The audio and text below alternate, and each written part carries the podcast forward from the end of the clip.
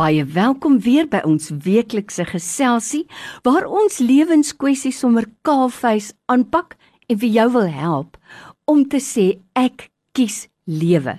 My gas in die ateljee soos elke donderdag is Dr. François Swart. Hy's 'n pastorale en kliniese terapeut en ek waardeer die tyd wat hy afstaan om ons te help om ons meer weerbaar te maak teen die aanslag van die lewe. So dokter Franso vir jou tyd vandag weer, ons waardeer dit. Dankie Lorraine, is lekker om saam met jou en die luisteraars te kuier.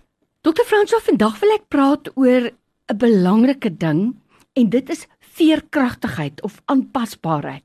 Want ek hoor so baie hulle sê die mate van jou geluk is nogal nou saamgeweef met hoe aanpasbaar jy is.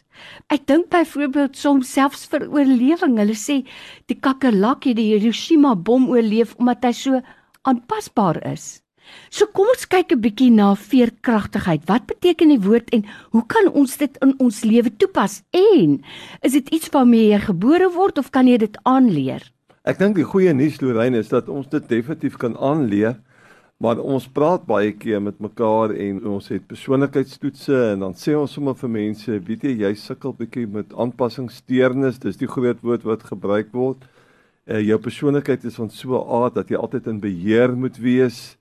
En dan plak ons 'n etiket op iemand se voorkop en sê daar's geen salftes meer nie. Ek dink ons moet positief bly solank ons sulke programme het en ons praat daaroor en mm. ons word bewus daarvan gemaak is daar altyd hoop dat ons kan aanpas. Die belangrike ding is dat ons moet weet die lewe bestaan uit lewensfases. Ook huwelike gaan deur fases. Ons onderskei uh, onder andere in die pastorale teologie van 8 fases waardeur die huwelik beweeg. Maar die lewe uh, as 'n mens nou nie getroud is nie, is ook vol fases. Mm. En in die fase leef wat jy leef dat jou lewe is nie altyd in dieselfde fase nie lê daar intrinsiek in die hele fase model die hele gedagte van aanpassing want jy kan nie van die een fase beweeg as jy nie bewus is van die fases nie en dan elke fase Lorraine is uniek mm. en uh, daarom loon dit vir 'n mens om bietjie 'n studie daarvan te maak nou om dit maklik te maak vir die luisteraars Kom ons gebruik maar sommer net 'n tydsaanduiding. Die fases wat ons gewoonlik sommer vinnig rolwerk mee werk, is die fase van die eerste 3 jaar van jou lewe. Daarin kan jy nie veel doen nie, maar dis 'n baie belangrike fase vir mm. ouers en dat hulle hulle kinders op 'n sekere manier moet hanteer van 3 tot 6 en dan van 6 tot 12 en dan van 12 tot 18 en dan van 18 tot 25 en dan van 25 tot 30 en dan van 30 tot 40, 40 tot 50, 50 tot 60 en 60 en op wat ons in die geriatriese fase in beweeg. Mm. En as jy bewus is van hierdie fases, uh wanneer jy aan die einde van 'n fase kom, dan begin jy lees of as jy ouer is of iemand is wat besig is om in 'n gesin opset te lewe, dink ek die familie hoof met 'n bydrae lewer om vir sy kinders of die mense wat aan hom toevertrou is bewus te maak. Dis die fase waarin jy nou in beweeg. En dan 'n gesprek daaroor aan die gang sit sodat die fase nie die persoon verras nie. Want ons almal Lorraine is nie so goed met verrassings nie. Mm, Dit is waar. die groot probleem. Uh dat dat jy heeltemal onkant gevang word en nou moet jy veerkragtig wees, maar dit het heeltemal van die blinde kant af gekom, maar dit is 'n ander onderwerp. By my in die ateljee vandag het ek weer vir dokter François Swart, kliniese en pastorale terapeut, en ons gesels vandag oor veerkragtigheid of aanpasbaarheid. Soos 'n spring, 'n veer wat moet weer kan van vorm verander en weer terugkom na sy oorspronklike vorm. Nou dokter François, hier's 'n paar goed wat ek graag wil aanraak nou in wat jy nou net gesê het. As ons kyk na die huwelik, as 'n persoon byvoorbeeld nou sukkel om te aanvaar ons is nou verby die verliefde stadium, nê? Hier's nou 'n nuwe stadium. Dan gaan so 'n persoon ongelukkig voel omdat daar nie meer soveel koestering is en drukkies en aanhoudende lang soene nie. Maar die veerkragtige persoon gaan besef dis nou 'n fase wat verby is. Dit beteken nie dat ons nie van tyd tot tyd kan herbesoek nie, maar daai was nou 'n fase. Die verliefde fase. Nou is ons in 'n dieper inniger liefdefase. Dieselfde ding met ouers wat nou 'n kleutertjie gehad het wat ja en amen op alles. Nou word dit 'n tiener.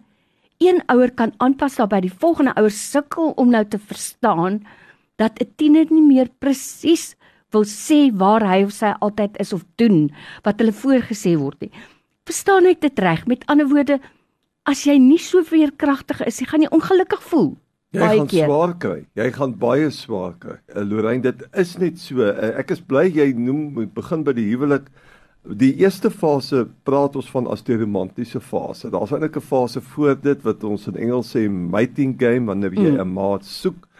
Uh en dan loop dit in 'n romantiese fase in en dit kan nie altyd daar bly nie. Die fisiese kant van die verhouding moet ontwikkel en die liefde moet van gevoelens afskuif na verantwoordelikheid toe mm. en 'n bewuslike besluitneming en ook binne 'n Christelike perspektief eh, dat 'n mens se lewe jou verhouding binne die raamwerk van die Bybel van diensbaarheid, voetewassing om die minste te wees, om ander hoër as jouself te ag. Dis die Bybelse beginsels wat vir 'n mens help.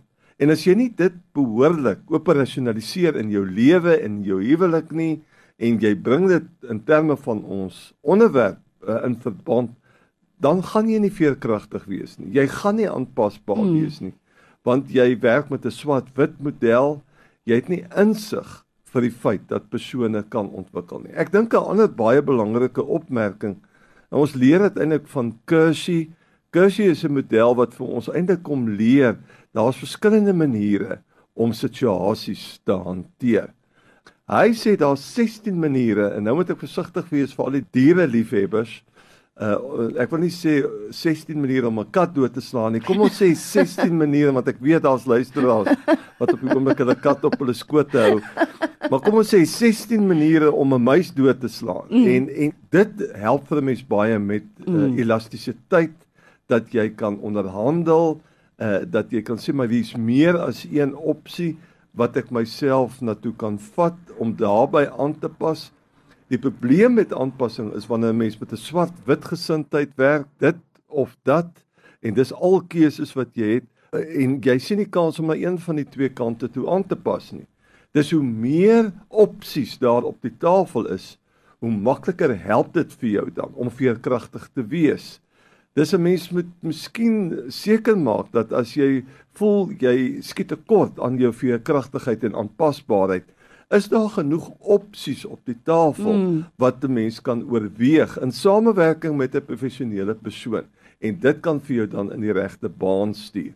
Maar dat 'n mens voortdurend moet werk aan jou aanpassingsvermoë, dit is 'n uitdaging vir vir mens wees. Dis 'n vir my mooi woord, jou aanpassingsvermoë. Dokter Fransjo, ek wil hê ons moet weer in 'n stadium gesels oor aanpassings wat bejaarde mense moet maak. Om van 'n groter huis na 'n klein huisie te gaan, na 'n aftreeoord, want baie bejaardes skop net eenvoudig vas en sê hier gaan ek nie uit nie. Dit maak dit moeilik vir almal om hulle.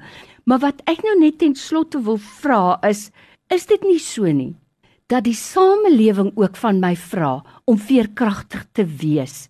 Ek dink byvoorbeeld, dis vir my nog steeds moeilik om te kyk hoe vrouens boks of rugby speel. Maar ek gaan dit nie kan verander nie. So wie sal moet verander? Ek sal moet verander. Ten slotte, wat kan 'n mens help om meer veerkragtig te wees? Ek dink ons moet aanvaar dat aanpasbaarheid en om te kan aanpas in situasies is deel van menswees. En ek is so bly dat jy jouself eintlik bietjie blootstel om te sê ek voel nou sterk oor hierdie tipe vroue sport. Ek is nie meer so gemaklik daarmee nie. Maar gelukkig kan jy die knoppie druk en jy kan na die mm. volgende kanaal toe beweeg. Daar's opsies. Daar's opsies. Alle mense kan van jou verskil. Dis ek dink dit is die belangrike ding dat 'n mens moet kom sê hierdie lewe het 'n groot skoot wat dit in ons rigting skiet in terme van ons aanpassingsvermoë en ons moet elasties wees. En daarom is dit belangrik om jou te omring met vriende, met mense wat in verskillende lewensfases is, want jy kan sien hoe hulle mm. sukkel en dan kan jy later moduleer op hulle. Want daar's mos nou al 'n klomp mense wat al voor jou deur lewensfases is. Gaan met hulle in gesprek. Help jouself om dan gemakliker aan te pas in daardie lewensfase. Dis wyse woorde want dit kom van 'n wyse man, dis Dr. François Swart, pastorale en kliniese terapeut. Ons wil jou help om by 'n punt te kom waar jy sê ek kies lewe. Onthou as jy 'n vraag het, stuur vir my 'n WhatsApp begin met die woorde kies lewe en dan intyd sal ons ook by jou vraag uitkom.